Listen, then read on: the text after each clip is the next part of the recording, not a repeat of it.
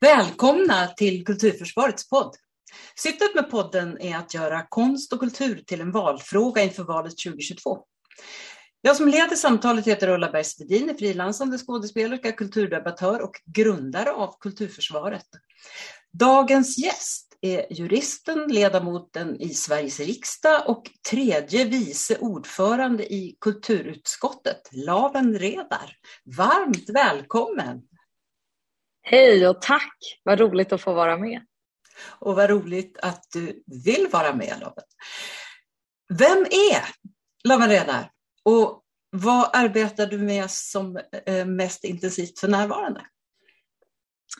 Ja, vem är ju alltid den stora frågeställningen. Där kan man gå långt tillbaka om man så vill. Men jag tyckte den andra delen av frågan var väldigt, eller underlättade. Eh, nej men för närvarande så är jag tredje vice ordförande i riksdagens kulturutskott. Jag har varit riksdagsledamot i snart, eh, ja, snart åtta år. Det är två eh, mandatperioder. Och den senaste mandatperioden har jag fått leda det kulturpolitiska arbetet för Socialdemokraterna. Annars så är jag jurist i grunden, eh, stockholmare, uppvuxen i Stockholm. Eh, har ett stort intresse för basket, musik, film och litteratur. Eh, mitt nuvarande arbete handlar ju såklart om eh, att hantera den, de ekonomiska verkningarna av coronapandemin. Den eh, fortsätter med sina mutationer och det har inneburit och innebär att vi för, för Sveriges del ganska nytt nu eh, inför eh, vaccinbevis eh, om man nu vill gå på teater eller konsert och liknande. Eh, ja, arrangörerna kan ju också eh, vidta andra åtgärder men nu är vi i ett läge som är väldigt knepigt och det visar sig att få människor besöker eh, aktiviteter där eh, det ingår mingel eller där det är publika arrangemang, alltså större eh, folksamlingar. Och det gör ju såklart att vi fortsatt kommer att behöva jobba med ekonomisk ersättning för att hålla kulturlivets eh, ekonomi eh, bra och så att man inte riskerar att hamna i större ekonomiska svårigheter än vad som redan har varit. Men jag vet inte hur man ska uttrycka det här. Det, det är knepigt och det är fortsatt knepigt. Så att, eh, för oss är det så otroligt viktigt att, att kämpa för kulturen just nu. Vi har haft mycket samtal med eh, kulturlivets olika aktörer här under nästan två års tid nu. Hur har det varit? Ja, det är ju, att samtala är inte det svåra utan det är ju faktiskt att få den inblick eh, som, som man får genom de här samtalen kring hur olika eh, verksamheter, vad, vad, man står inför. Jag menar, det är alltifrån konst och kulturskapare, det är tekniker, det är alla som ansvarar för ljus och, och bildsättning och alltså hela den kulturella infrastrukturen för att konserter, teatrar, föreställningar ska kunna genomföras. Och eh, det har varit ett, som du säger, två riktigt tuffa år. Väldigt många har hamnat i svår ekonomisk situation. Eh, vi ser också att vissa eh, har valt att lämna kultursektorn för att man är oroad inför sin framtid.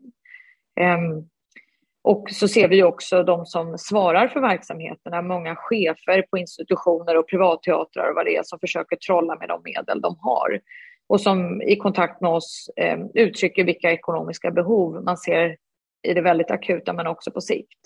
Och det har vi försökt politiskt att, att svara mot med allt ifrån kulturkrisstöd som har fördelats ut via Konstnärsnämnden, Kulturrådet, Svenska Filminstitutet och Författarfonden.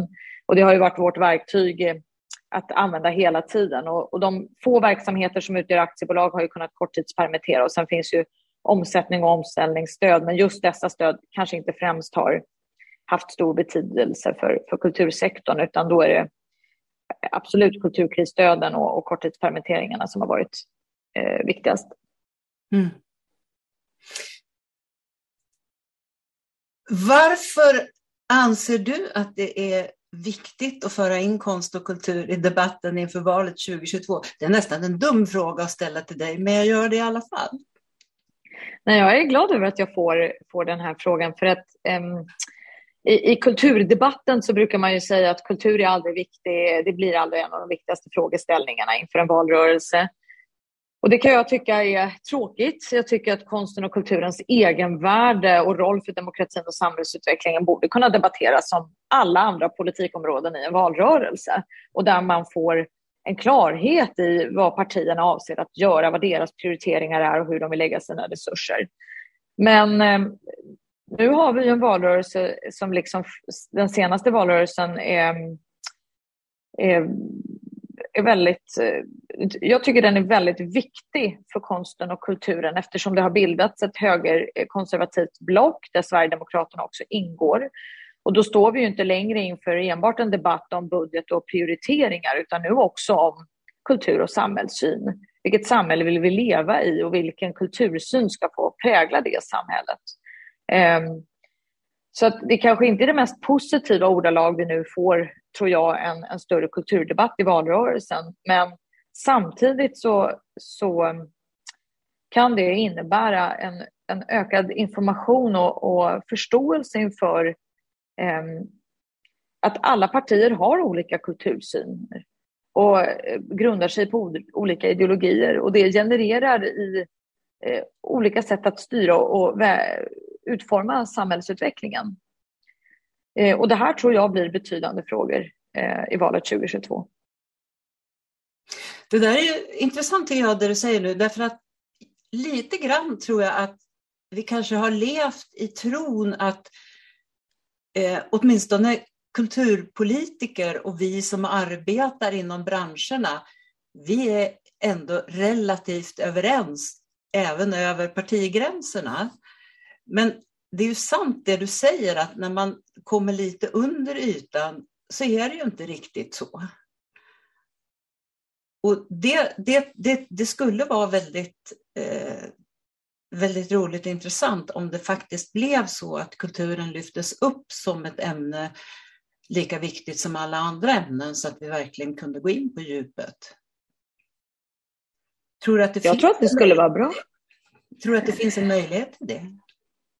Jag tror att det också måste efterfrågas. Eh, den senaste ehm, valrörelsen, nu var ju inte jag så delaktig för jag hade inte blivit utnämnd kulturpolitiker då, men jag kunde mig se att ehm, public service, alltså Sveriges Radio och SVT hade verkligen ställt eh, specifika frågor till de kulturpolitiska talespersonerna om vad man vill göra med olika verksamheter. Men, ehm, och inte bara varför är kultur viktigt i samhället. Alltså vi, man måste liksom komma förbi den frågeställningen. Eh, det, det, kan jag tycka är lite problematiskt att de kulturarrangörer som vill ha en seriös kulturpolitisk debatt börjar med att ställa frågan ja, men vad är kultur för dig eller varför behövs kulturpolitik? Ja, då, då, är man ju verkligen inne på en, en låg nivå. Mm. Men om man börjar utveckla frågeställningarna till vad vill ni med kulturen? Mm. Vad vill ditt parti med kulturen? Vad är era målsättningar och ambitioner? Vad kan ni göra med den kultur, eh, de kulturutgifterna ni har på nationell, regional och kommunal nivå? Precis som man skulle ställa frågan, vad tänker ni göra med äldreomsorgen? Vad tänker ni göra med sjukvården? Och då kan man ju på ett mycket bättre sätt ställa också de politiska företrädarna till svars för vad som har varit, men också eh, ställa krav på vad som komma skall.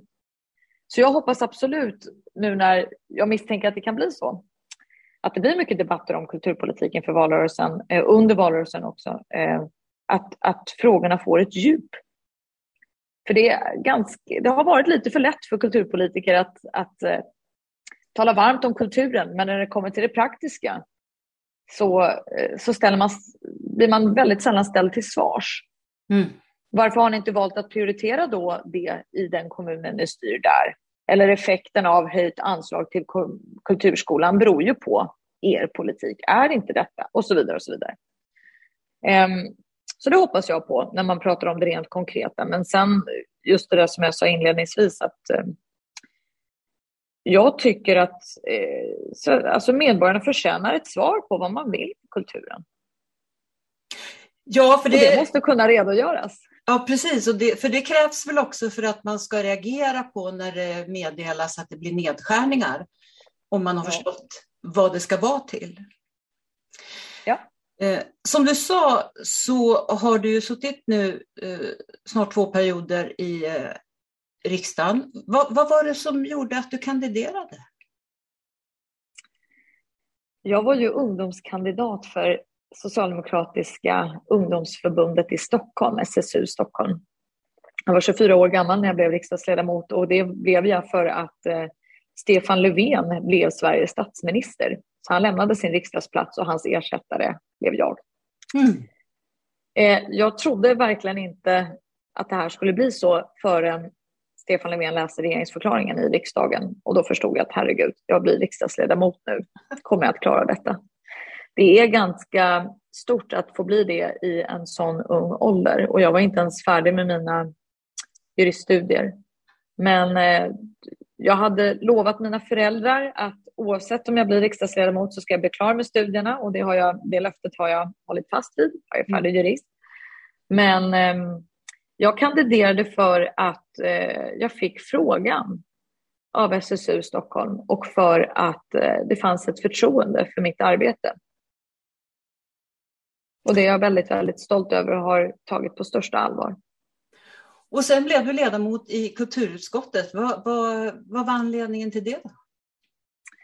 Ja, jag kandiderade igen 2018. Eh, mina första fyra år satt jag i justitieutskottet och hade ansvar för straffrättsliga frågor och det var en, eh, en otroligt intressant tid. En av de största sakerna som jag bär med mig i hjärtat det var att vi fick en samtyckesbaserad våldtäktslagstiftning som har satt en helt annan norm i vårt samhälle och i många andra samhällen. Det är faktiskt en straffrättslig exportprodukt brukar jag säga. Ja. Nu har den gått vidare till, till Danmark, till Norge, till Spanien, till Portugal. Eh, tyskarna tittar på det här så att det, det verkar vara en, en, en produkt som vi kan vara väldigt stolta över i Sverige.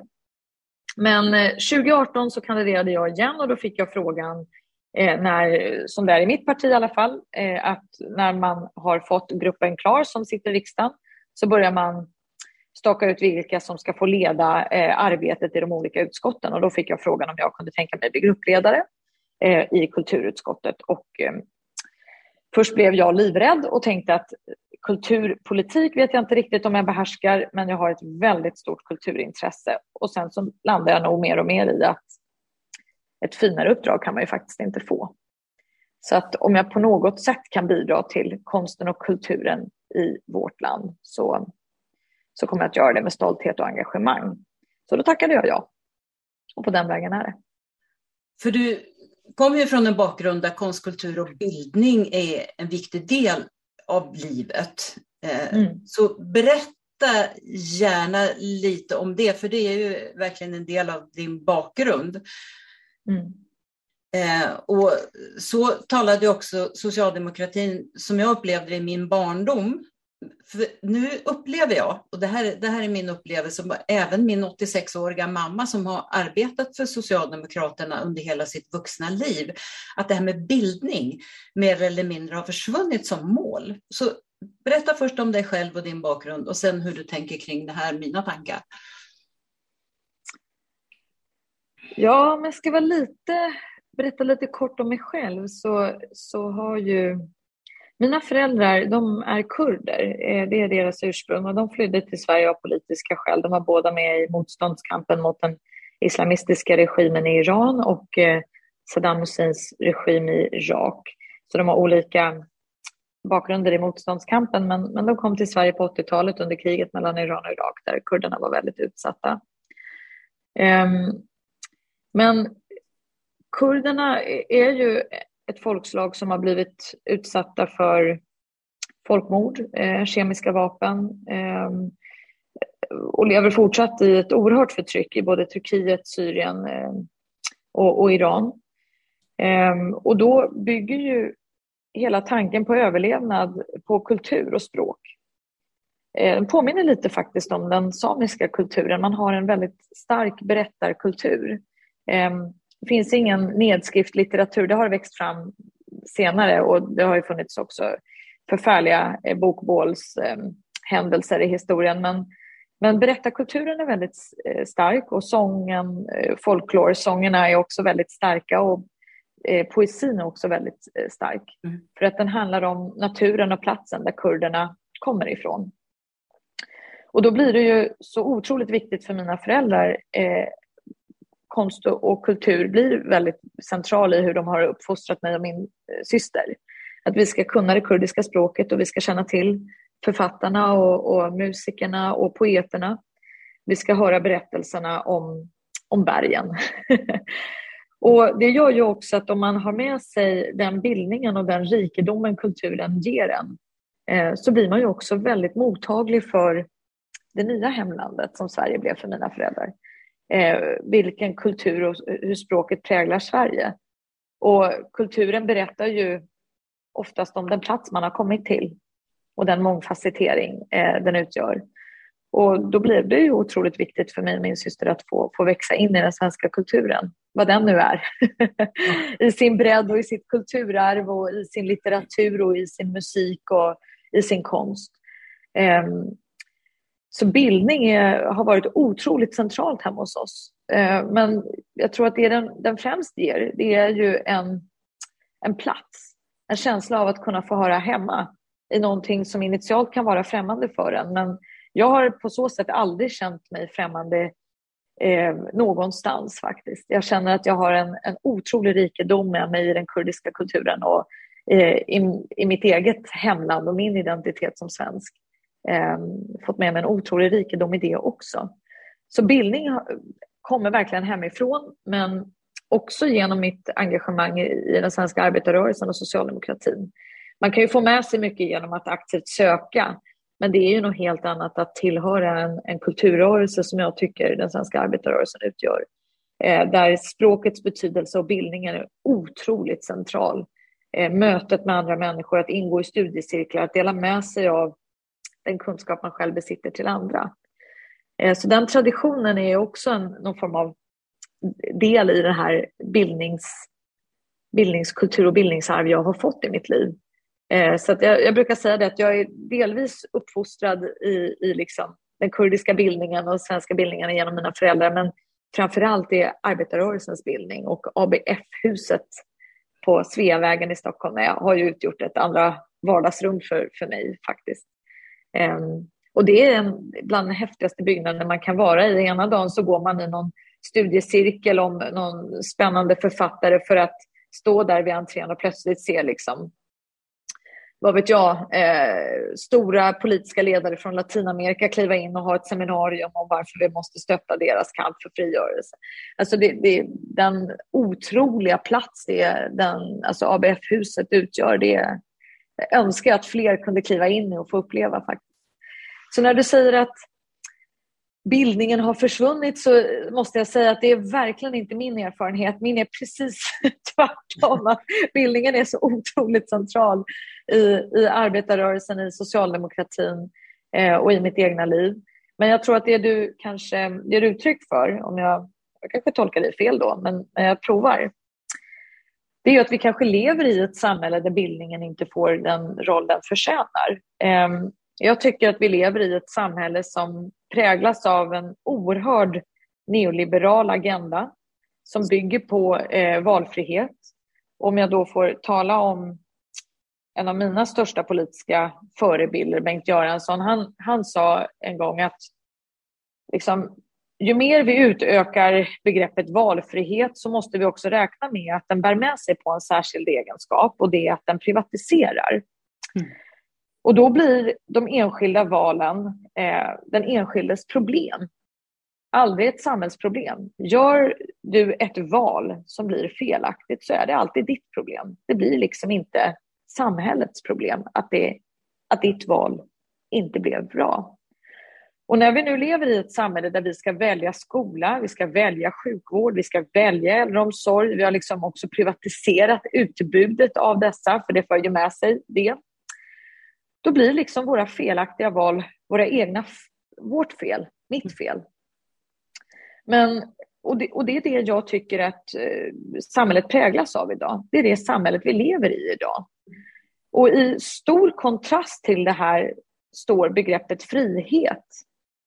För att frihet, säger Bengt Göransson, den är oändlig.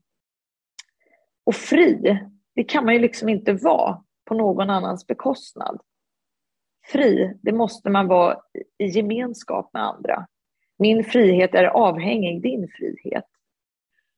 Och därför menar jag när vi pratar om bildning att bildning har ju väldigt mycket med gemenskap och frihet att göra. Det måste man få vara tillsammans med andra. Eh, och jag tycker att så som jag ser på frihet och bildning så står det i kontrast med det här samhället. Så när du kanske uttrycker dig i termer av att det har glömts bort så menar jag att det samhälle vi lever i idag möjliggör inte utrymme och tid för bildning i gemenskap med andra. Mm, jag är helt enig med dig. Och att jag just saknar det, eh, ja, jag saknar samtalet om hur viktigt det är. Mm. Mm. Så kan man väl Vi säga. har vi kanske utvecklat eh, en utbildningspolitik där vi verkligen främjar kunskaper och färdigheter inför ett arbetsliv. Mm. Men fler och fler börjar ifrågasätta om inte utvecklingen av personligheten, odlingen av ja, de här själsliga förmågorna, förhållningssätt till andra, eh, djupare kunskaper och analyser som man kan få om man korsbefruktar olika ämnesområden, mötet med andra människor.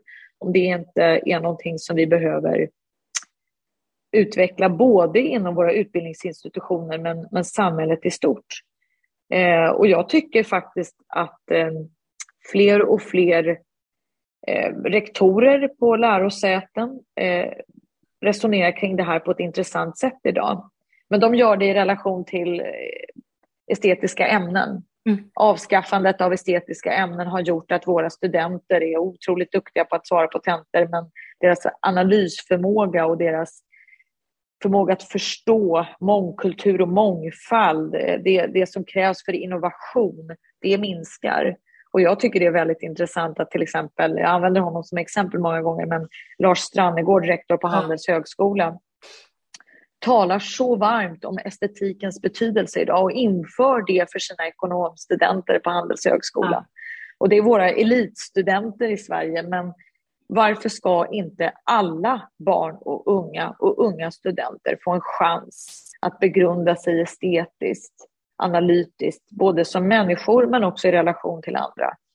Ehm, det här är både en fråga om, om innovation och företagsamhet inför framtiden, men det är också en fråga framför allt om demokrati och kultur, Sverige som land ja, möj möjligheten att kunna formulera sig är en väldigt viktig fråga, att kunna stå upp för sina egna åsikter och eh, ja, våga vara den man är. Det är en extremt viktig fråga i de här stora frågorna som diskuteras så mycket nu, tänker jag. Eh, att, inte, att inte bara följa med strömmen, så att säga. Mm. Det tror jag. Men eh, apropå just demokrati och att tala med andra. Så du har besökt eh, alla distrikten och talat med medlemmarna om kultur och folkbildning. Vad, vad är det som har framkommit där? Vad längtar människorna efter? Jag har verkligen inte lyckats träffa alla de socialdemokratiska distrikten, Nej. men har väldigt nära kontakt med våra eh, kommunala företrädare, eh, de olika partidistrikten, medlemmarna. Det finns ett otroligt tryck på de kulturpolitiska frågorna. Så att hela gruppen, vi som sitter och, och driver eh, kulturpolitiken på nationell nivå, har blivit inbjudna till så många intressanta föreningssamtal eh, om just konsten och kulturen och folkbildningens betydelse för socialdemokratin men också vad socialdemokratin kan göra för att det ska prägla samhällsutvecklingen. Eh, och det som jag upplever att många längtar efter det är ju en en klassmedveten kulturpolitik som, som adresserar och angriper de, den skillnad som råder idag i allt ifrån språk och bildningsutveckling, framförallt eh, vad gäller barn och unga. Mm. Vi ser idag att, att eh, språk, kunskaper kring språket, identitet och kultur skiljer sig åt beroende på vem ens föräldrar är och vart i landet man bor. Mm. Så kulturpolitiken når dessvärre inte alla fastän den är offentlig. Och sen handlar det ju också om en nyfikenhet inför vad man kan göra för att möten, åsiktsutbytet ska få en större plats i samhället och det hindras idag av eh, allt ifrån algoritmer som vi har på onlineplattformar som tycks polarisera oss mer än skapa bättre möten eh, till, till det kommersiella utrymmet som ibland genererar i att det, det främjar möten, men inte alltid. Och eh, allt ifrån tätorter till, till mindre städer och, och större städer behöver platser som bara bygger på idén att människor ska få uppleva konst, kultur och möten. Du nämnde ju ABF-huset och det, det, är många som, som nämner det som, som här, nästan mytomspunnet eh, jag, jag har också varit där. och, och eh, jag tänker, hur, hur, ser det ut ute i landet? Har, har du no, någon eh, uppfattning om det? Frodas det så att säga i Folkets hus eh, på samma sätt ute i landet? Alltså det gör det ju. Det kan man inte säga. Och det skiljer sig åt otroligt mycket vart i landet man bor. På mm. vissa orter är kyrkan samlingsplatsen. Mm. På andra ställen är det Folkets hus och parker, medborgardrivna möteshuset. Mm. Eh, eh, oftast är ju liksom de, där man verkligen ser att, att eh, människor möts eh, utifrån en frivillig agenda, alltså för liksom, kultur och samtal eller polit politiska möten, så är det ju Folkets hus och park, alltså medborgardrivna mötesplatserna. Det är inom folkbildningen och det är kyrkan som, som har och utgör den infrastrukturen för eh, möten. Och de blir ju också ofta arrangörer för kulturella verksamheter och konserter. Mm. De lokala kulturföreningarna ser till att det är just där eh, mötet ska få äga rum och så är det turnerande eh, teatrar och artister som, som man tar in. Sen har ju väldigt många kommuner också byggt ett kulturhus eller har någon, eh, någon regional teater på den orten, men då är det oftast de lite större orterna eller städerna som, som har det. Och som blir samlingsplats för Eh, de större evenemangen eh, eller de större utställningarna som kanske länsmuseerna har och så. Men jag, jag, skulle ändå vilja påstå att vi, vi har mycket utrymme för kultur, men det kan absolut bli mer. Och skälet till, till varför det behöver bli fler platser är ju för att befolkningen också har kraftigt ökat i vårt land. Vi har en infrastruktur som byggdes från ja, men den, sista, vad ska man säga, den sista stör, stora kulturutredningen som är, ja, vissa kallar också den första, beroende på hur man ser på det, men, men liksom eh, 80-talets stora kulturutredning mm. som ändå regionaliserade kulturen och som försökte bygga ut den över hela landet. Och det här bygger ju på en, en befolkning som, som rådde då, alltså 60 till 80-talet. Vi lever i snart 2022. Mm. Befolkningen har kraftigt ökat och vi behöver därför också växla upp det fysiska utrymmet för kulturen. Det räcker inte med att främja goda förutsättningar för konst och kulturskapare och arbeta med konsten och kulturen inom utbildningsväsendet. Vi behöver platser där, där kultur kan vara. Ja, jag tror också att man måste verkligen stötta. Jag har ju själv varit på turné på många sådana här ställen och vet hur väldigt engagerade många människor är och jobbar hårt för att det ska fungera och så. Men många gånger har det också varit, man, man har tänkt, undra om det här kommer att, att, leva vidare eftersom det är många gånger är äldre människor som sliter rätt hårt. Och om det, lever, om, om det liksom fylls på underifrån så att mm. säga, mm. åldersmässigt. Och det, det kanske vill också... för det. Ja, men jag vill också lägga till att bilden är ju svår. Nu pratar vi om hela Sverige, det skiljer sig mm. åt. Men det är klart, vi har ju sådana här eldsjälar ja, som öppnar gallerier, som på eget initiativ öppnar residenser för konst och kulturskapare som hittar alla möjliga sätt att få finansiering för att erbjuda befolkningen eh, bildning och, och konst och kultur. Så jag, jag, vill verkligen betona det att jag har också imponerats något oerhört av att få möta såna här riktiga eldsjälar som antingen i företagsform eller genom skapandet av en stiftelse eller genom eget enträget arbete har lyckats skapa en sån plats eh, där man befinner sig. Så att, eh, den typen av insatser måste vi också räkna med när vi pratar kultur. Mm. Eh, just det, eh, apropå kultur, jag, jag envisas ju med att alltid säga konst och kultur, för jag menar att det är skillnad mm. på begreppen och viktigt att båda finns med. Hur, hur tänker du mm. det? Jag tror det är jättebra att göra skillnad på de begreppen. Och är det konst brukar man ju... Det är väl tyskan. Det ordet grundar sig i någon form av skicklighet, kunnande och skicklighet. Konsten är ju liksom, det är det estetiska, eh, som forskningen säger. Eh, och som är en del av de, de estetiska uttrycksformerna som litteraturen, bildkonsten, musiken, eh, med flera, med flera. Med digitaliseringen har vi också fått nya eh, konstnärliga uttryckssätt. Mm. Men, men kultur, det är ju ett mycket, mycket större begrepp. Eller det är en del av det, man kan baka in båda två i varandra. Men ska man våga skilja dem åt så, så handlar ju kultur också om det rent eh, antropologiska och sociologiska. Människans förhållande till varandra historiskt och idag. Så att jag, jag, tror det är, som du säger Ulla, är klokt att göra skillnad på de här. Sen konstens uttrycksformer eh, har ju mycket med, alltså oftast med samhället att göra, eller vill provocera samhällsutvecklingen handlar ju också om en del, eh, om man tittar historiskt så hade det jättemycket att göra med, med vem beställaren var. Mm. Eh, går man långt, långt tillbaka historiskt så, så ja, men då liksom, har det ju handlat om att kyrkan beställer ett verk till exempel för att synliggöra sin, sin roll i samhället.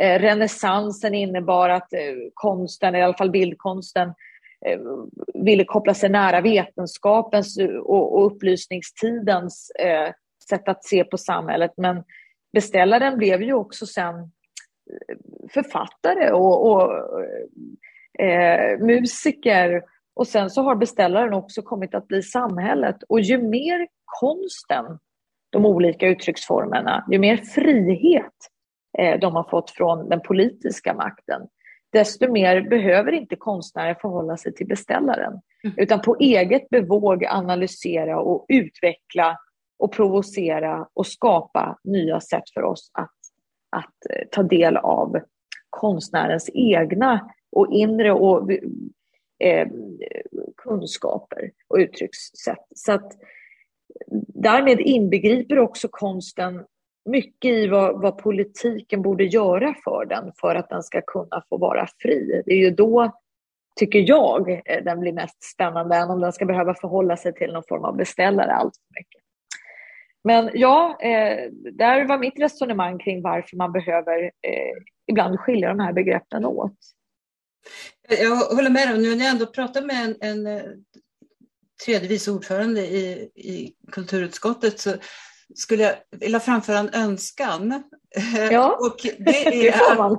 Även om det nu heter Kulturdepartementet, vilket jag förstår eftersom det innefattar eh, allt det där du säger, så skulle jag önska mig att man slutade kalla oss kulturarbetare för att det menar jag innefattar allt från eh, de som är tillfälligt anställda och sköter garderoben till höga chefer inom konst och kultur och mm. kallar oss som faktiskt är, har höga utbildningar för professionellt konstnärligt yrkesverksamma, för det är det vi är. Och jag tror att en del av vår låga status ligger i att vi har smackat ihop allihopa och kallar oss kulturarbetare. Mm. Det kan ligga något i det. Eh, och bara för att bekräfta bilden så har vi den konstnärspolitiska utredningen som verkligen redogör för att beteckningen i den utredningen är konst och kulturskapare. Mm. Men då säger man att eh, alla andra yrkeskategorier i samhället med motsvarande krav på utbildning som brukar ligga runt en 3 till 5 år, om inte ja, vissa dessutom längre än 5 år, Ehm, det finns ingen yrkeskategori i samhället som har sådana låga inkomster och som är så eh, lågt försäkrad i relation till eh, den typen av samhällsförsäkringar som, som man har med SGI, pension och liknande. Som, ja. Så att eh, det här är ju eh, ett område där man verkligen behöver fundera på vad som kan främja både status och garant för basal trygghet. Mm. Det, det, det, var verkligen den första frågan som, som kom på mitt bord när jag klev in i kulturpolitiken, att det är otroligt hur eftersatt förutsättningarna är för konst och kulturskapare i vårt land. Um, och med den här utredningen så, så, finns det också väldigt bra förslag kring vad som måste göras. Och några av de förslagen har jag fått eh, möjlighet att arbeta med både när vi har skrivit om det kulturpolitiska programmet för Socialdemokraterna men också de tillsatta utredningarna som finns nu för att det här blev så otroligt synliggjort under coronapandemin varför man inte når fram. Eh, och det handlar om allt ifrån hur många som är egenföretagare och hur många egenföretagare som inte har tillgång till sociala försäkringar. Dessutom eh, hur få som har fasta anställningar som faktiskt inte kunde bli korttidspermitterade med anledning av det. Mm. Eh, och sen då de statliga stipendierna, att de inte ens är pensions eller skrivgrundande är för mig helt otroligt egentligen. Men nu har vi ju för första gången kunnat tillsätta utredningar som ska titta närmare på det här och en av dem leder Folkets hus och Parkers vd Kalle Nathansson som mm. ska titta då på eh, egenföretagares förutsättningar att få, få eh, försäkringar. Och eh, den handlar egentligen om alla egenföretagare i samhället men det var väldigt viktigt för oss att det är just han som får utreda det mm. som har eh, en sån, ett sånt bagage inom kultursektorn mm. så att det här faller sig bra. Utfallet blir bra för konst och kulturutövare. Mm. Sen det kommer ju, eh, vi har höga ambitioner på det här området så vi, vi kommer att titta närmare på alla de strukturella delarna som inte minst eh, fackförbunden inom, inom kulturen också har lyft fram. KLYS har varit på agendan. Eh, Musikerförbundet eh, med flera har verkligen synliggjort vilka åtgärder som man gärna ser inom, inom en snar framtid. Så att eh, ur allt detta svåra som pandemin har medfört så hoppas jag att det här ska kunna komma ut gott. Att vi inte in, i framtiden accepterar andra förutsättningar för konst och kulturskapare i samhället. Utan liksom alla andra yrkeskategorier ska man ha rätten till basal trygghet. Eh, och att man måste ha förståelse för att kulturens finansiering eh, ser annorlunda ut. Eh, och på, och, men så ser det också ut inom många andra sektorer också. Samhället har utvecklat sig på ett annat sätt och det gör att vi, vi måste också kunna skapa ekonomiska och sociala trygghets, eh, tryggheter eh, med det. Ja, man kan väl säga att det, det, är nästan snarare så att övriga samhället har anpassat sig till hur det har sett ut inom konst och kultursektorn hela tiden, som jag ser det. För att vi har haft så, så kan man också se det. hela tiden. Och eh, jag, jag, jag, hoppas väl att eh, det blir eh, som du säger, för att det är ju ganska absurt egentligen att vi fortfarande har det så. Tidigare hette det mecenater och nu är det statliga stipendier för några få. Så att eh, mm. det, det, är liksom lite grann samma sak, bara det att har bytt namn. Det är lite, ofta, ofta lite så. Men du har ju väldigt framgångsrikt tillsammans med Stockholms, eller som ledare för Stockholmsdistriktet, stått bakom en väldigt radikal motion på kulturområdet inför eh, S-kongressen. Och ni fick ju den, eh, den ansågs besvarad från partistyrelsen, vilket brukar betyda ungefär vi hör vad ni säger och instämmer i sak, men vi kommer inte gå med på skarpa förslag. Men ni fick ju faktiskt eh, igenom en, en hel del så att förslagen eh, i motionen en del togs in i de riktlinjer som fastslogs och som ska bli politik. Och det är en väldigt stor framgång för er som har lagt motionen. Berätta om vad som hände och vad som kom med. Ulla, om jag får ta en minut bara för att redogöra. Jag fattar ju att väldigt många ser nu att jag sitter på massa olika stolar här. så jag tänker liksom, så att man, man får en förståelse vad det här handlar om. Ja.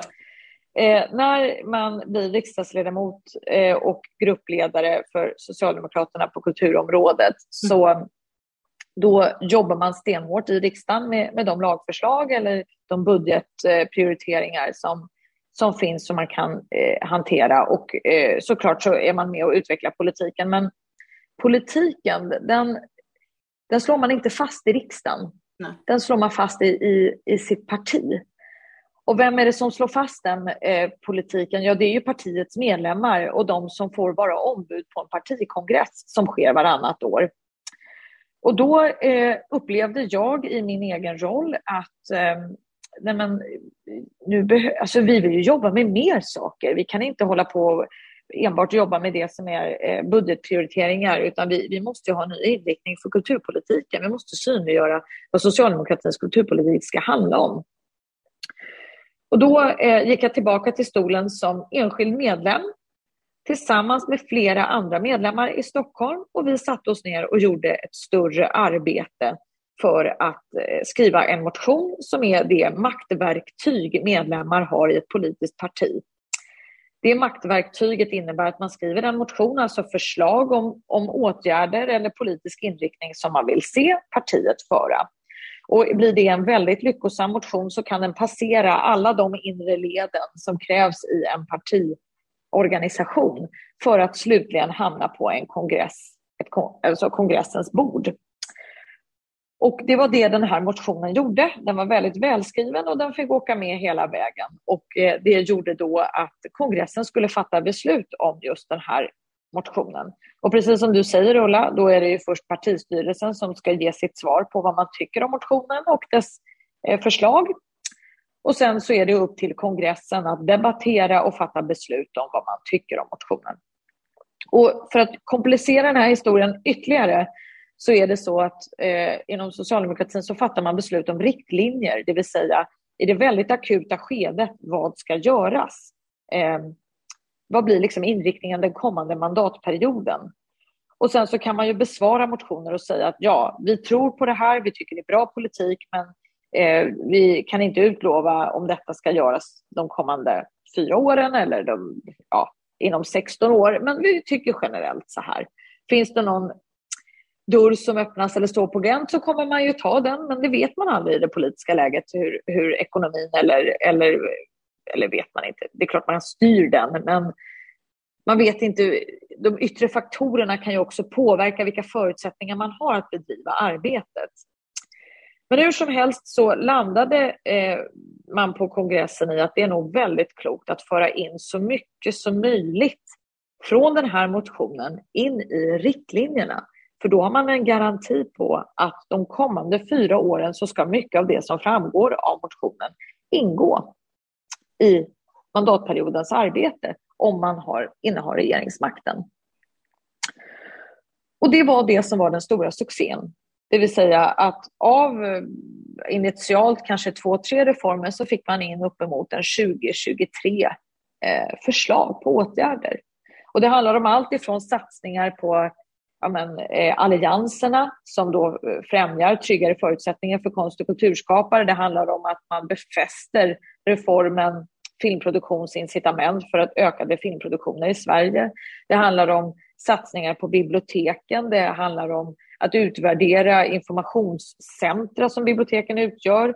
På vilket sätt man kan spela en, en tydligare roll i ett, ett samhälle som påverkas allt mer av algoritmer onlineplattformar och, och desinformation. Ehm, det handlar om, eh, ja, jag nämnde konst och kulturutövares ekonomiska och sociala förutsättningar, man får ta det som ett begrepp, men också att eh, åstadkomma en nationell strategi för eh, kulturella och kreativa näringar. Sen handlar det också om barn och ungas tillgång till konst och kultur, om allt ifrån estetiska ämnen till att ge skolan ett tydligt kulturuppdrag. Så det här finns med i riktlinjerna. Och då har vi alltså utlovat med det sagt att de fyra kommande åren, eh, om vi innehar regeringsmakten, så kommer vi att göra ganska mycket på det kulturpolitiska området. Mm. Det är en ganska bra bedrift. Tycker jag. Vi, tog också någon, någon uh, ny skrivning som inte fanns med i motionen, eller en ty, tydliggörande skrivning om, om demokrati och yttrandefrihet, var det inte så? Mm. Så är det. Vi eh, uttrycker också väldigt skarpt att eh, vi ska ha journalistik över hela landet. Yttrandefriheten är grunden. Eh, och att public service breda roll ska få kvarstå. Mm. Med det sagt så skiljer vi oss åt mot det högerkonservativa blocket där de enskilda partierna, var och en av dem, förutom Sverigedemokraterna då, som egentligen har en helt annan public service-agenda, men Kristdemokraterna och Moderaterna pratar mycket om att man vill driva på att public service bara ska jobba med sitt kärnuppdrag och eh, därmed eh, tolkar vi det som att man vill skära i dess budget mm. och man vill också eh, förminska kultur och folkbildningsuppdraget som public service har. Just det. Ja, det vill nej, inte vi. Var... Vi vill det omvända. Vi vill Jaha. förstärka det uppdraget. Jaha. Men, men du var också väldigt eh, glad över att det hade varit en så omfattande debatt, om jag förstod det rätt. Mm. Ja, jag tror att det, det är inte förvånande för ett socialdemokratiskt parti att mycket tid avsätts till kulturen. Men jag tror att det, det blev en känsla på eh, kongressen att det här är så viktiga frågor att det kommer att ta eh, både mycket längre tid och tuffa förhandlingar. Eh, för så blev det ju. Det var, jag tror det var någon radioreporter som frågade mig, ja, men nu har ju kulturen satts eh, som sista punkt på torsdagskvällen. Eh, handlar det här om att kulturen återigen är ointressant? Och då sa jag, men då kan du sitta och räkna mm. hur lång tid den här debatten kommer att ta. Och det tog nästan två och en halv timme. Det var otroligt många talare. Vi har, och debatten föregicks ju av två dagars eh, skarpa förhandlingar. Och eh, varje distrikt hade nästan en till två delegater som förhandlade på kulturområdet. Och kanske den, den absolut största frågan kommer att handla om kulturskolan. Ja. Eh, för den engagerar otroligt många socialdemokrater på kommunal och väldigt lokal nivå. Och man ska också veta att vi har i partiet Eh, Eh, många som är kulturskolepedagoger, många som är föräldrar till barn som går i kulturskolan. Man brinner verkligen för dess, eh, för dess roll och eh, hade mycket att säga till om vad som har hänt på området. Och Kulturskolerådet som ju är en eh, sammanslutning som arbetar med frågorna som rör kulturskolan. De vill ju ha en lag som slår fast att kulturskolan ska finnas i alla kommuner och det hade ni med.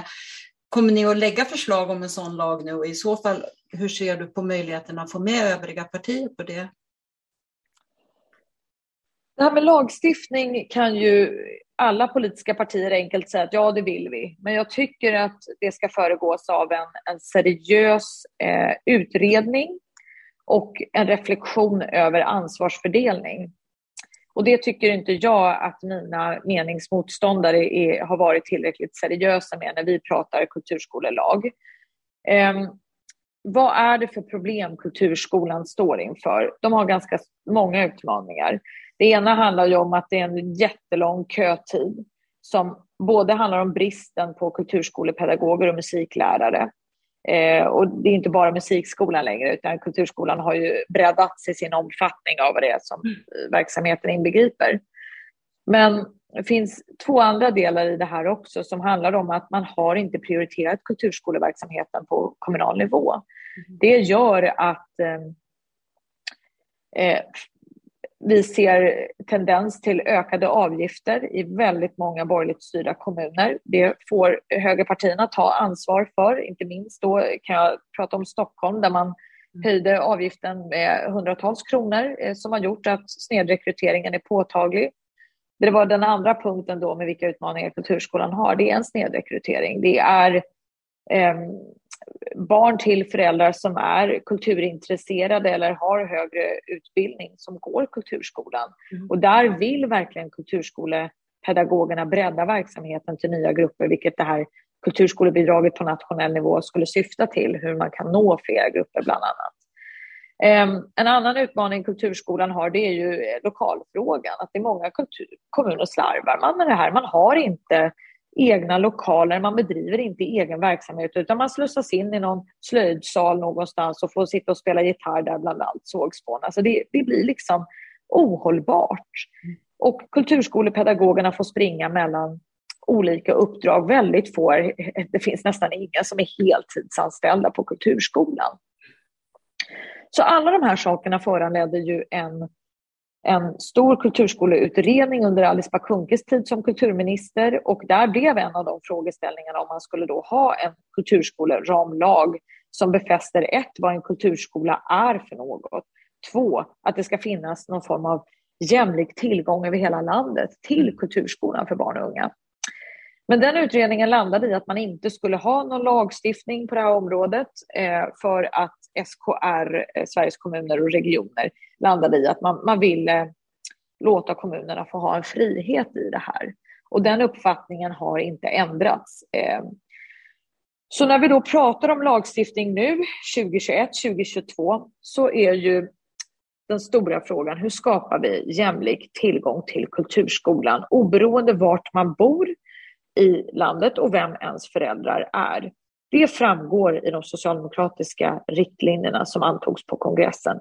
Vi fick inte mer lagstiftning, men vi har ålagt oss uppgiften att göra allt vi kan för att främja jämlik tillgång till kulturskolan. Därmed utesluter inte vi lagstiftning om det är ett verktyg för att åstadkomma det här. Det vill jag bara ha sagt.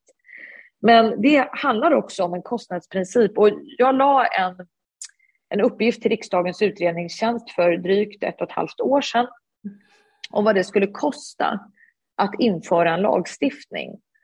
Och då säger man att det skulle avse en, en eh, om man, om man gör beräkningar från vad kostnaden låg 2016 och 2017, alltså det är liksom de siffror vi verkligen har på det här, då pratar man att det skulle gå till en kostnadstäckning eh, till mer än 2 miljarder kronor. För 2019 så uppgick kostnaderna för kommunens sammantagna nettokostnader för kulturskolan till omkring 2,7 miljarder kronor. Så att frågan om lagstiftning handlar till syvende och sist om att göra en avvägning av, alltså ska man ha ökad nationell likvärdighet och begränsa eh, den kommunala självstyrelsen i, i de här frågorna eller ska vi liksom låta kommunerna få sköta det här själva? Och kommunerna svarar oftast med att man inte vill ha ökad lagstiftning eller riktade pengar utan man vill ha generella resurser för att man vet själv eh, kommunalt vart pengarna bäst ska gå. Eh, men sett till då eh, om man kan lösa ut kostnadsfrågan med någon form av eh, ansvar eh, mellan kommunerna och det nationella så kan, behöver det inte innebära att man utesluter lagstiftning. Men jag vill ändå säga det att skulle det här landa i att staten tar hela kostnaden för kulturskolan och att staten ska gå in med 2 till 3 miljarder för kulturskolan, då kommer det inte finnas utrymme till större kulturpolitiska reformer de kommande åtta åren. Man ska veta då att den sammantagna kulturbudgeten ligger på 10 miljarder. Mm. En utökning som tack vare Miljöpartiet och Socialdemokraterna under de här åtta åren. Vi har alltså gått från drygt 6 miljarder ut, alltså, eh, till kulturen på nationell nivå till att under de här eh, åtta åren kunna växla upp till att hamna runt 10 miljarder. Jag vill att vi ska se en successiv utökning av kulturbudgeten generellt. Ehm, och det är den ambitionen vi har. Men jag är inte helt säker på om jag är beredd att lägga alla de kulturpolitiska medlen ökning till kulturskolan, utan jag ser ett jättestort behov av samarbete mellan det nationella och det kommunala om vi nu ska ha lagstiftning på området. Jag tycker att kommunerna framför allt borde kunna växla ut mer pengar till kultur, sett till de massiva anslagen de har fått. Alltså det här som vi säger då, de statliga pengarna till kommuner och regioner.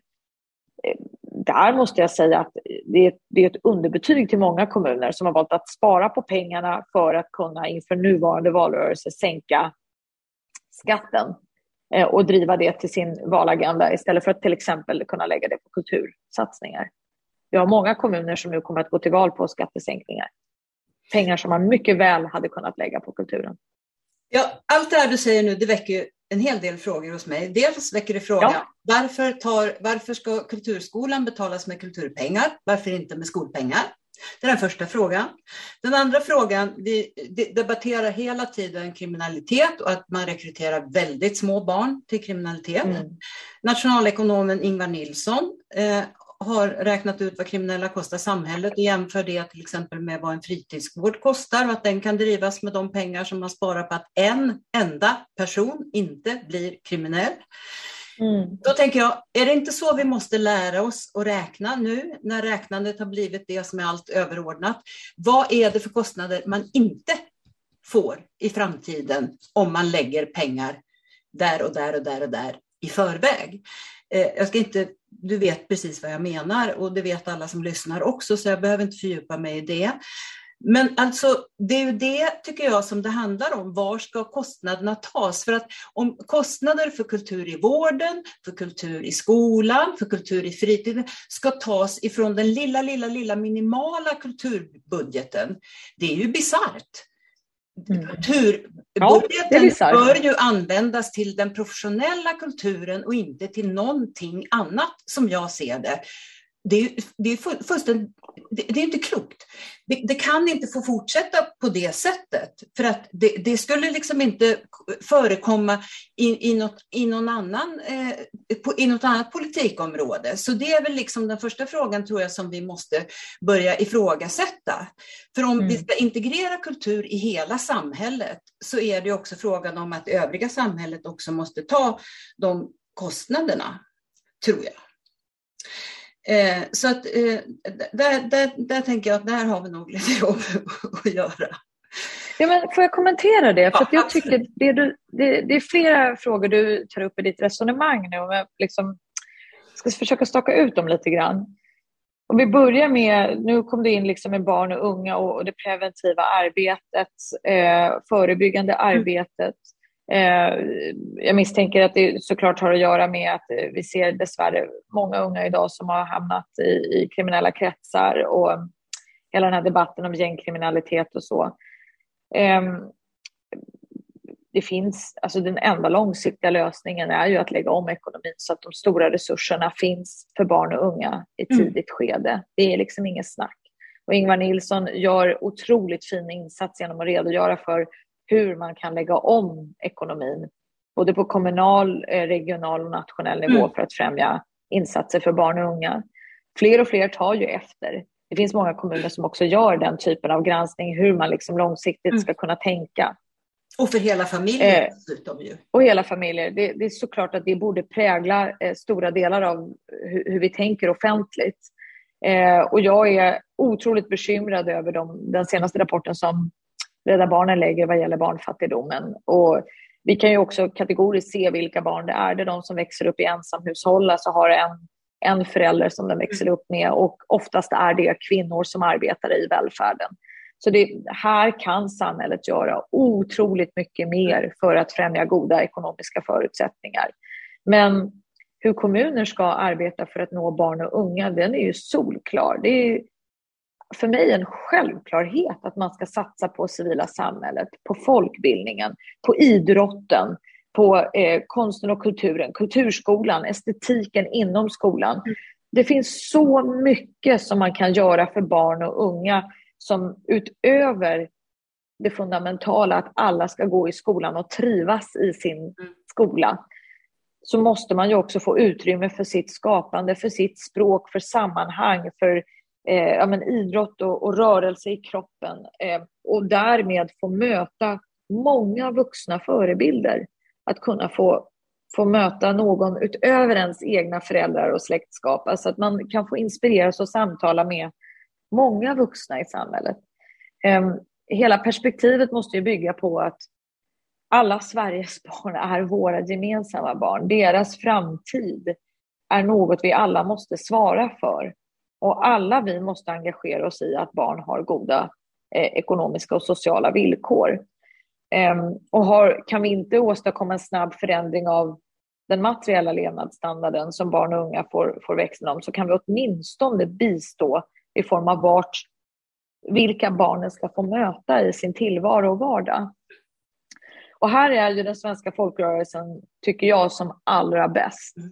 Det är få samhällen i världen där så mycket människor på frivilligt bevåg utan att få några kostnadsersättningar ställer upp som fotbollstränare, ställer upp som vad vet jag, nattvandrare, eh, ställer upp som eh, ja men här, kom in i vår klass också och sjunger den här kören. Alltså det, det finns otroligt fina insatser som kräver både ett erkännande och också liten extra slant för att man ska kunna få vara i den lokalen eller kunna få synkronisera arbetet där fritidsgården kan jobba tätt med det medborgardrivna möteshuset, kan ju få jobba nära kulturförvaltningen. Alltså, den här typen av organisering och med vaktmästaren, alltså att, att det ska liksom funka.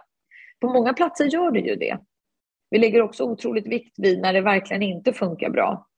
Men sett till hur många det faktiskt går bra för så ska vi också ge oss själva ett erkännande. På de allra flesta platserna så, så finns det ett otroligt engagemang för barn och unga, men vi kan bli bättre och ska bli bättre. Det var vad gäller den delen av, av synen på ekonomin och barn och unga. Och där spelar kulturen en otroligt viktig roll. Det är, det är liksom inget snack. Och när du säger varför kan inte kulturskolan ingå i skolan? Ja, för att skolan måste också få göra sitt. Där ska de estetiska ämnena utgöra ett ämne som ska få en högre status i grundskolan och återinföras på gymnasieskolan. Det är min absolut bestämda uppfattning. Kulturskolan ska inte vara inom alltså skolan, men den ska ha mycket med skolans infrastruktur att göra för att den använder ibland sig av skolans lokaler. Många av de anställda är anställda på skolan och sen blir kulturskolepedagoger eh, därutöver. Och sen är det ju så att i, i mindre eh, kommuner så, så är det fundamentalt att kulturskolan måste få ingå i skolans, under skolans paraply, annars funkar inte verksamheten. Så det där ser väldigt olika ut beroende på vart man bor. Men det, det, är nog inte den frågan som är avgörande för kulturskolan, utan det som är avgörande för kulturskolan är att det finns egna pengar för kulturskolan i kommunen. Det vill säga att man satsar på pedagogerna, man satsar på verksamheten och man ser till så att eh, de sakerna som kan utgöra ett hinder för fler barn att delta, att det undanröjs, att det finns en politisk plan för kulturskolan på lokal nivå.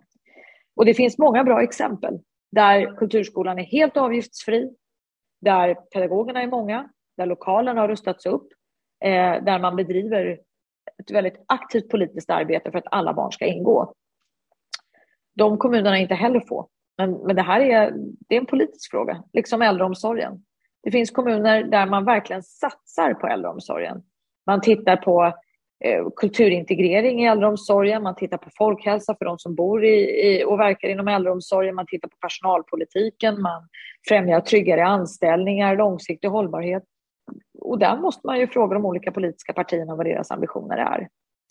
Det sista jag vill ha sagt vad gäller mer pengar till kulturen så har jag egentligen två spår.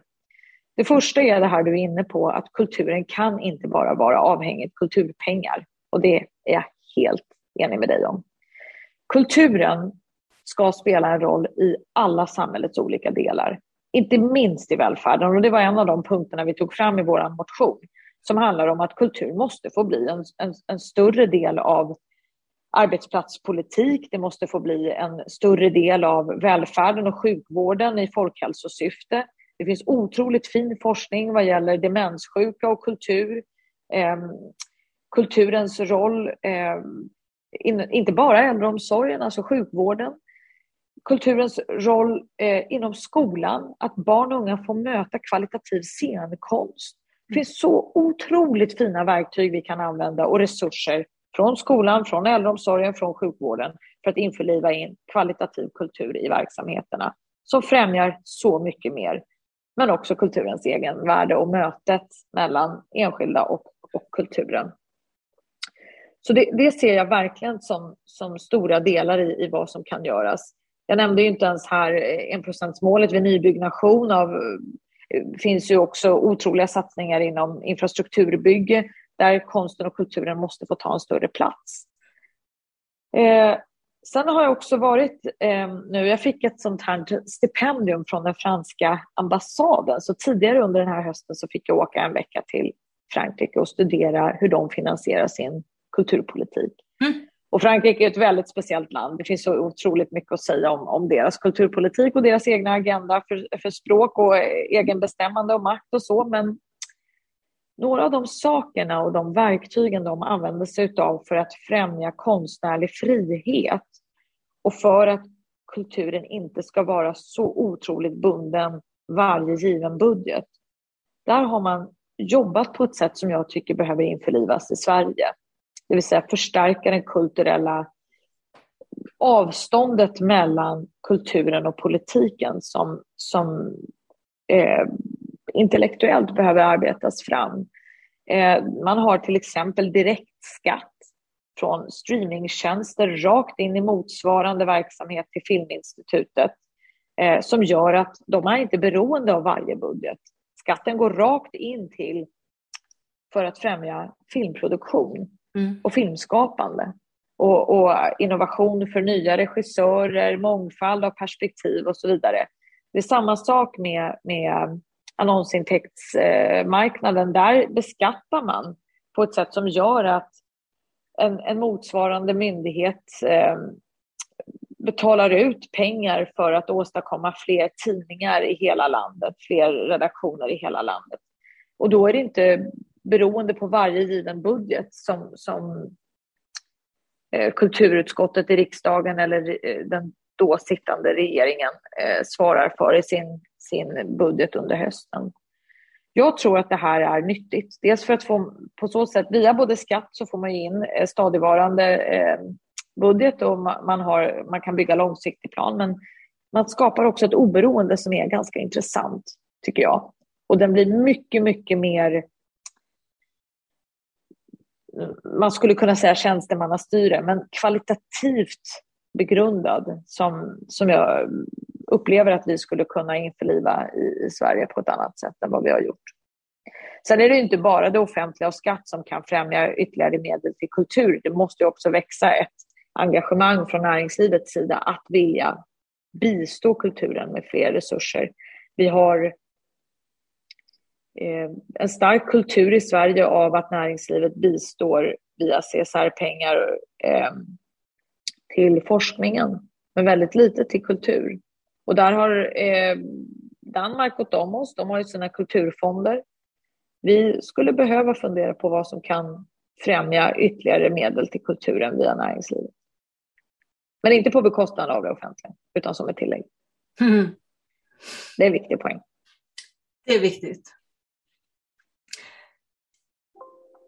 Du eh, har ju varit inne på att det måste bli eh, mer, eh, ja, mer tryggt för eh, människor inom konst och kulturlivet. Eh, vi har ju också helt enkelt blivit av med Arbetsförmedlingen Kulturmedia som eh, var en specialförmedling med, med kunskaper. Eh, med specialistkunskap om området. Eh, hur, hur tänker du kring eh, den förlusten? Jag ser den som allvarlig. Mm. Eh, och det är också än mer allvarligt att vi har fått väldigt många nyanlända konst och kulturutövare till Sverige som skulle behöva få en översättning av sina kunskaper till den svenska kulturarbetsmarknaden. Mm. Eh, nu gör ju eh, Klys med flera en egen insats här för att nå ut till dessa, men det här är ju en förlust på, utifrån så många olika perspektiv som man kanske inte eh, förstod där och då. Det här fanns med som en punkt i, i vår motion, kanske inte att återinföra det i, i dess tidigare formen, men där man behöver se att bristen på koordinering här eh, är ett arbetsmarknadsproblem. Och eh, vi har, jag har också talat med arbetsmarknadsministern om det här och hon ser samma utmaning. Eh, och hon har också aktivt tittat på åtgärder för konst och kulturskapare för att det är ju den gruppen, det är också den gruppen som, som har hamnat i, i större grad i arbetslöshet.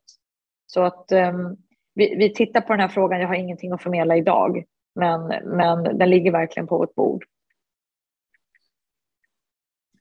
Eh, du var inne på det förut med eh, dina föräldrar eh, och, och din uppväxt och så, och när det gäller att också ta till sig den eh, svenska kulturen. Du har sagt att dina föräldrar tycker att Sverige har en sån stark och mångfacetterad kultur, men att vi inte tar vara på den. Och, och då tänker jag också, det finns ju någon slags eh, idé som sprids eh, om människor som kommer hit från andra länder om att man absolut inte tar till sig den svenska kulturen och att man bara är inne i sin egen kultur och så. Därför tycker jag det är väldigt intressant det du berättar om dina föräldrar, för att det är nämligen min upplevelse också när jag, när jag träffar människor från andra länder, vilket jag har gjort ganska mycket eftersom jag har arbetat i sådana projekt. Kan inte du berätta lite om det? Jag har väl problem med allt som innebär generaliseringar. Mm. Eh, vad är det? Hon författaren Chimamanda Ngozi Adichie mm. säger det fantastiskt i ett anförande som hon har haft som handlar om, hon uttrycker det som the single story, alltså att vi präntas, det är faran med att präntas in samma berättelse om människor gång på gång på gång för att det blir till sist någon form av sanning. Eh, och jag kan uppleva att den otroligt högljudda politiska debatt om nyanlända och nyetablerade i samhället. Den, den frångår mångfacetteringen, den frångår att människor är individer med ett eget bagage. Det man delar är förmodligen de fruktansvärda upplevelser som flykt i sig kan innebära om den har varit högst ofrivillig. Mm. Jag tror många också eh, uttrycker hemlängtan, uttrycker sorg över att aldrig få uppleva det man hade drömt om i sin kontext bland sina nära och kära. Men eh, mitt intryck är att det skiljer sig åt otroligt mycket från person till person. Ingen, alltså, bara för att man är svenskfödd så är det väl ingen garant att man blir en demokrat. liksom man är, bara för att man är född i, i tredje land, att man, man är eh, antidemokrat. Det, det blir sådana här generella bilder av människor, det, det tar jag kraftigt avstånd från. Men också just det här att man lägger märke till, som du sa då om dina föräldrar, att man tycker att eh, det finns en väldigt mångfacetterad kultur i Sverige som vi inte riktigt eh, ta vara på. Jag tycker att det var så, jag tycker att det var så intressant reflektion. Jag tror bara att det handlar om att, eh, jag kan dra ett exempel. Ja. När vårterminen 2020, när vi inför begränsningar för allmänna sammankomster och offentliga tillställningar och vi förstår direkt att det här kommer att generera oerhörda ekonomiska förluster för kultursektorn, så fattar vi ett väldigt snabbt beslut eh, under, det var ju under Amanda Lind som, som kulturminister, men med ett väldigt fint samarbete som vi hade. Eh, om att vi ska ge kulturen eh, det första krisstödet om en halv miljard och idrotten en halv miljard och vi offentliggjorde det. Och då är det på fullaste allvar så många som uttrycker en oförståelse inför det här. Varför satsar man på kulturen? Mm. Lägg allt på sjukvård, säger folk. Ja, men vi ska lägga offentligt starkt stöd till sjukvården och självklart ska vi göra det mitt under pågående pandemi. Mm. Men det här äh, att man uttrycker sig så mm. om sitt kulturliv, det tycker jag är häpnadsväckande. Liksom en, en brist på förståelse att kulturen och idrotten nu behöver stöd och hjälp.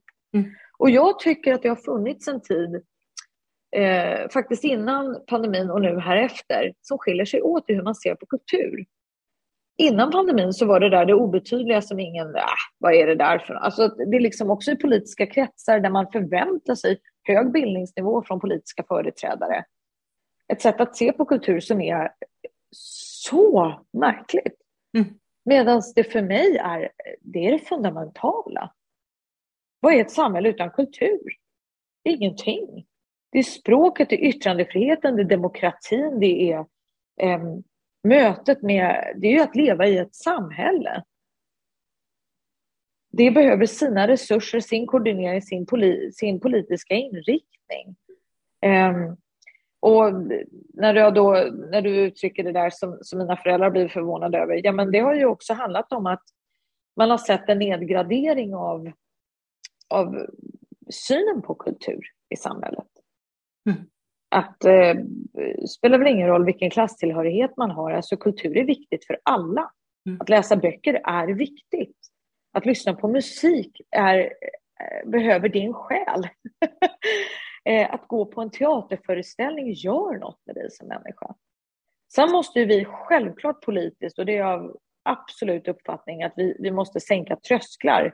Vi måste skapa ekonomiska förutsättningar för alla att få tillgång till konst och kultur. Och om det är liksom inom scenkonsten eller att få besöka museum. Men det gör vi. Vi jobbar väldigt aktivt för det här.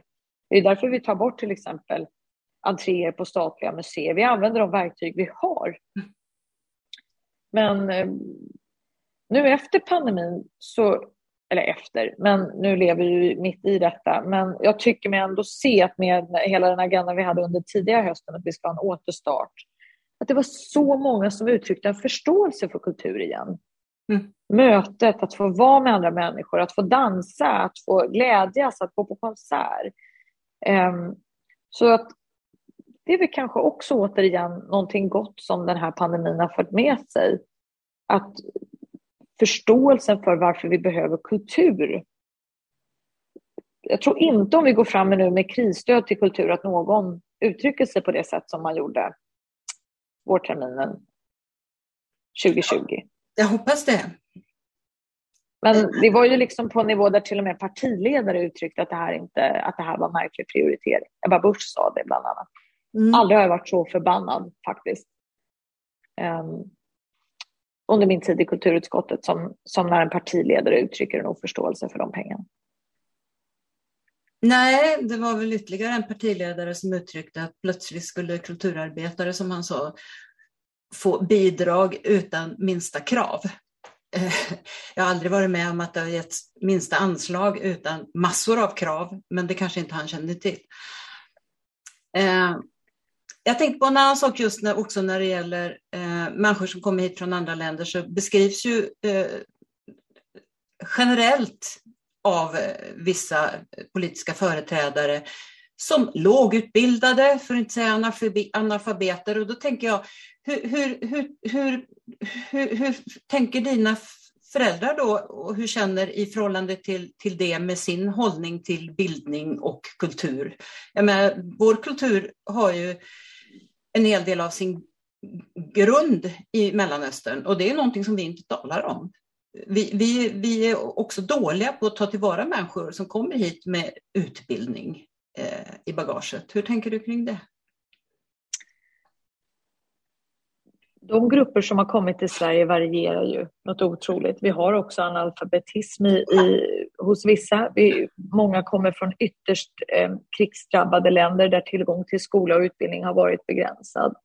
Vi har också väldigt högutbildade människor mm. som har kommit till Sverige, så att variationen är stor. Mm. Det vi kan se bland eh, eh, i liksom arbetsmarknadspolitiken det är ju att många med utländskt påbrå eh, har också hamnat i arbetslöshet och många saknar de kvalifikationskrav som krävs för att träda in på svensk arbetsmarknad. Men det kan ju bara åtgärdas genom stark, eh, starka insatser för utbildning, men också bildning. Jag tror folkbildningen, jag, tror, jag vet att folkbildningen har någonting alldeles säreget att erbjuda i en sån här tid när så många människor behöver få navigera sig i ett nytt samhälle. För att folkbildningen gör det som utbildningen inte kan göra eller eh, har begränsade förutsättningar att göra. Folkbildningen är, skapar ju verkligen det här mötet med det nya landet och jobbar Eh, med demokratifrågor, med bildningsfrågor på ett helt annat sätt. Så att eh, vill man ha en seriös eh, aktivitet för att fler ska kunna kvalificera sig för att träda in på den svenska arbetsmarknaden, men därutöver känna sig hemma i det nya hemlandet. Få, få chansen att få lära känna vart man har kommit och hur man kan med tiden också bli en, en aktiv samhällsmedborgare, vara med och påverka det samhälle man är i och lever i, då behöver vi nog göra större insatser för folkbildningen. Mm. Men, men också se till vem som är eh, just eh, snudd på eller, eller rent analfabet eller den som är högutbildad. För att eh, mm. det, det har jag upplevt att det är liksom väldigt svepande och till och med att man har SFI-klasser där man blandar. Mm. Vilket ju naturligtvis är lika illa för båda grupper. jag har alldeles för lite insikt i hur, hur situationen ser ut inom SFI, SFI. Däremot så kan jag med glädje säga att även vi pratar mycket om det, vi som bär erfarenheter av att ha föräldrar som har flytt eller som utgör en generation som kom väldigt, väldigt unga till Sverige. Att um, det finns så mycket starkt i, i välfärdssamhället. Att tillgången till att få gå i skola gratis, mm. tillgången till sjukvård, tillgång, alltså allt det för det mesta bidrar till att livet blir väldigt bra. Alltså att man inte behöver belåna sig något oerhört för att få en utbildning. Alltså allt det där när man måste starta livet på nytt.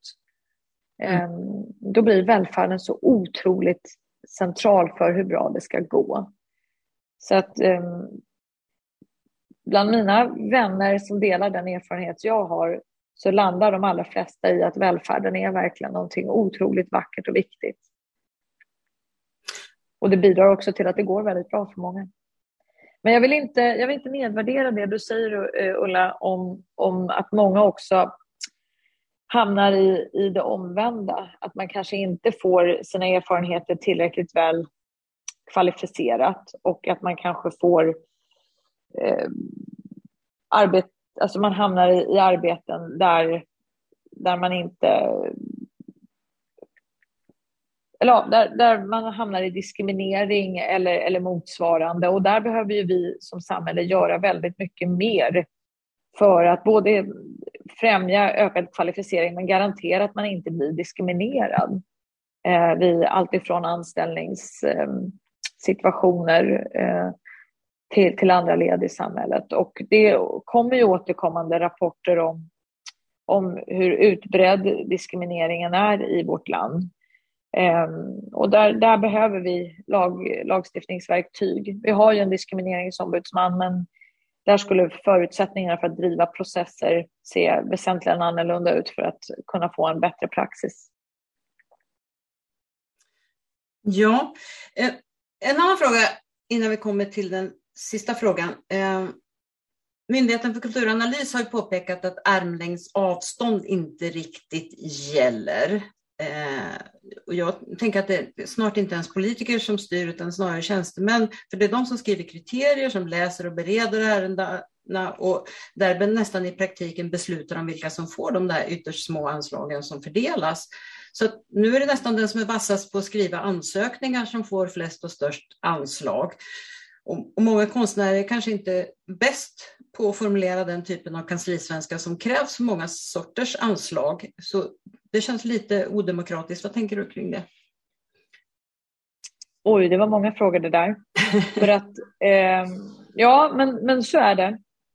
När det offentliga kulturbudgeten handlar om att man ska få projektstöd och motsvarande så behöver man vara väldigt duktig på att skriva ansökningar och det är inte hela poängen. Så därför skulle man också behöva ha Eh, och det tycker jag ändå att man har i stora delar. Stor förståelse för vilka det är som ansöker och vad projektet avser och väldigt tillmötesgående tjänstemän som arbetar i, i, inom kulturmyndigheterna. Eh, för att eh, kriteriet ska inte vara att man skriver bästa ansökningar utan kriteriet ska vara vad är det för typ av kultur som ska skapas eh, och mäter det eh, kvalitet och allt det som, som man har som kriterier. Men den konstnärliga friheten, det, det, är en helt annan fråga, för den handlar ju om hur mycket kan politiken styra konstnärers innehåll, författarnas mm. innehåll, journalistikens granskning. Mm. Eh, och det var det här exemplet, jag vet inte om jag var jätteotydlig, men som jag liksom refererar över när jag pratar om Frankrike.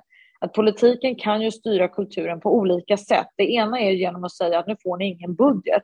Då har mm. man gjort sin ganska, den skarpaste av styrningar. Har man inte budget så kanske det inte produceras eh, kultur i den omfattning vi vill se.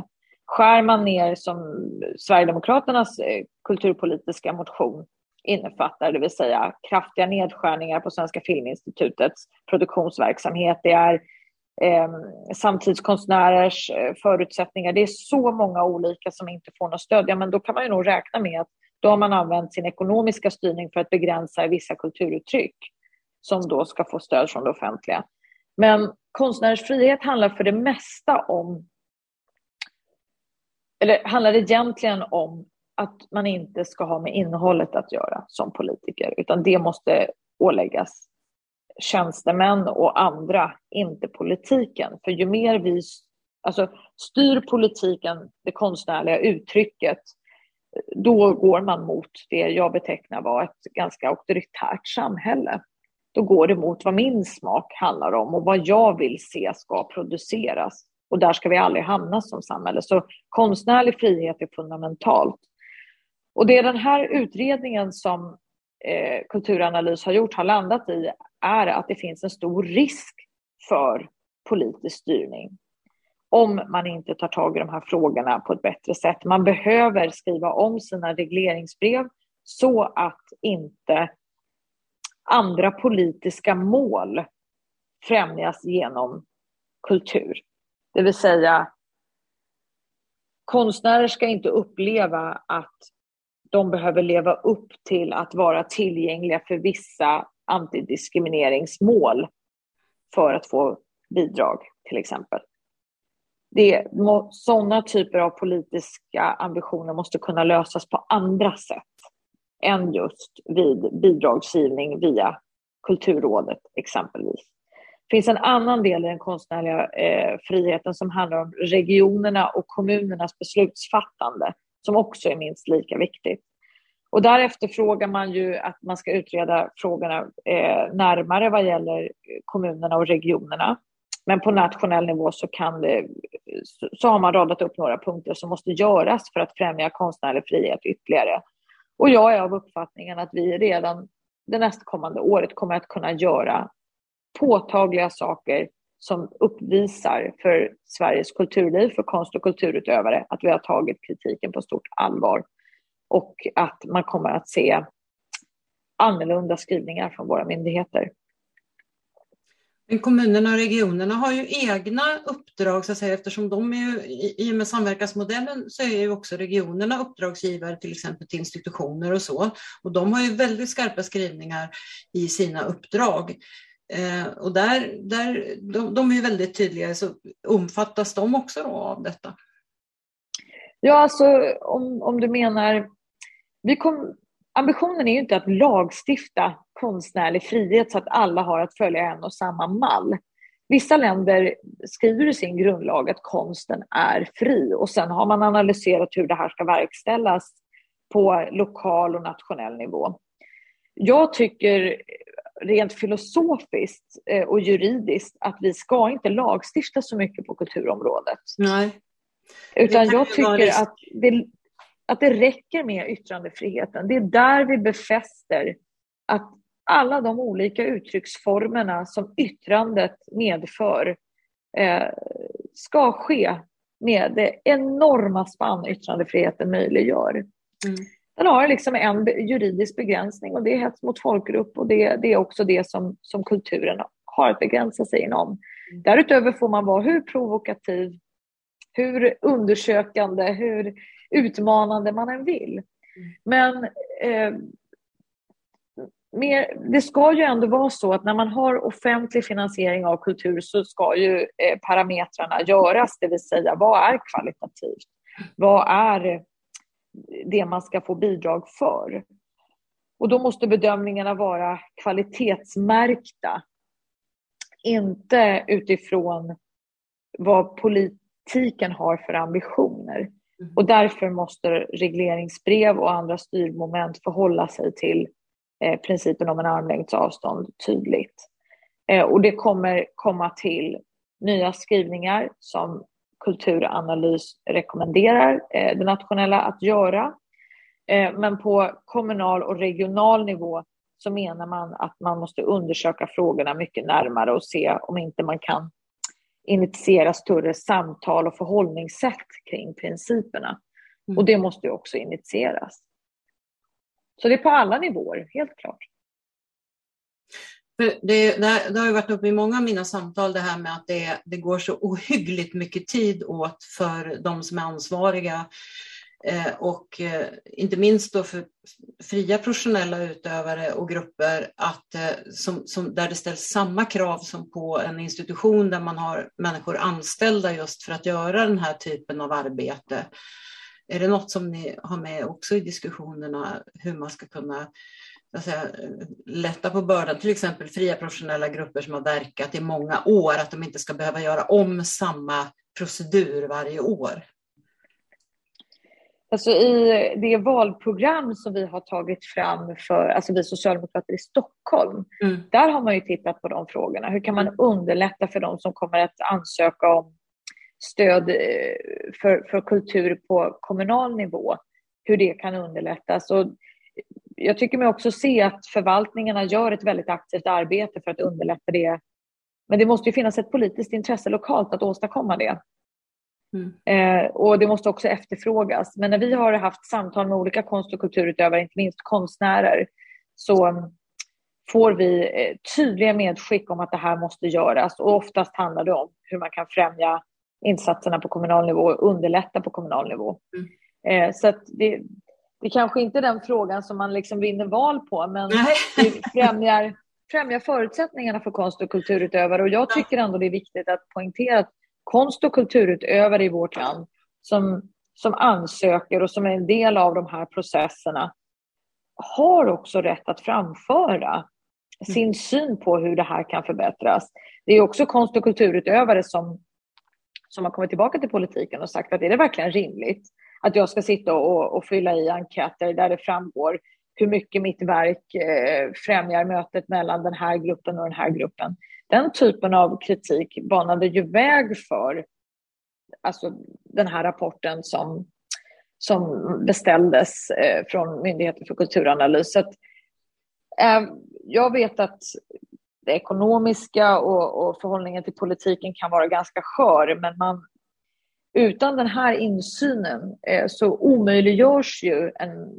Eller så här, det, det, blir inte möjligt för oss att se vilken verklighet konst och kulturutövare har. Mm. Så det måste också framföras till politiken att eh, man har synpunkter och man behöver mm. underlättande system. Då kan jag nästan garantera att det kommer tas upp eh, som, som en åtgärd. Vi, vi vill ju underlätta. Mm. Alltså offentliga medel till kultur ska ju gå till kultur. Vi vill att fler ansöker. Vi vill ha mångfacetterad eh, utdelning.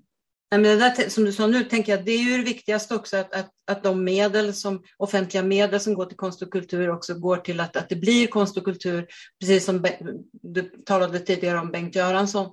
Han skriver ju också i den här lilla tankar om politik att det går åt många miljoner innan det blir en enda föreställning gjord. Och det, det, det, tycker jag också är viktigt att man tänker att pengarna ska gå till att det faktiskt blir konst och kultur och inte, inte, inte en massa byråkrati kanske i första hand. Mm. Eh, om det går, eh, alltså, utan att man tummar naturligtvis på att, att man ska se att pengarna pengarna går till det de går till. Det är ju självklart. Ja, eh,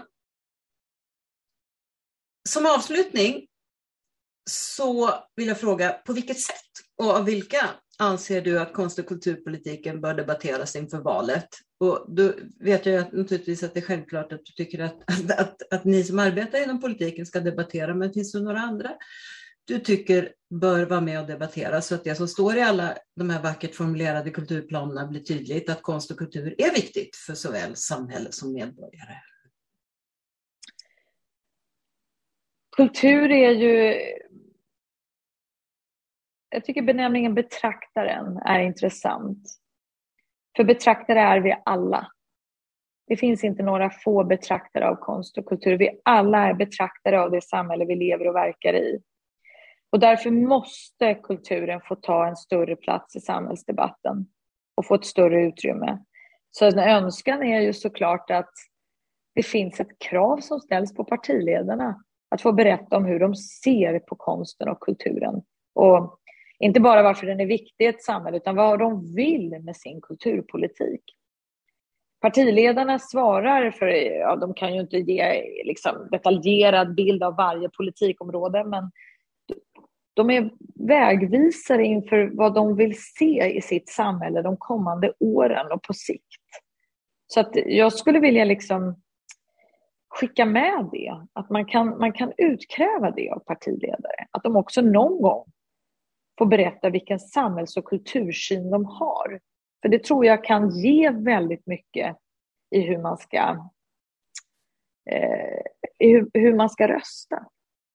Vi, jag vet inte, alltså jag skulle personligen, men nu är jag ju i allra högsta grad en politisk företrädare. Men jag skulle personligen aldrig gå och rösta på ett parti som lägger 10 miljoner på det och 5 miljoner på det, utan för mig, jag röstar på den kultursyn man har. Alltså vad vill man med samhället?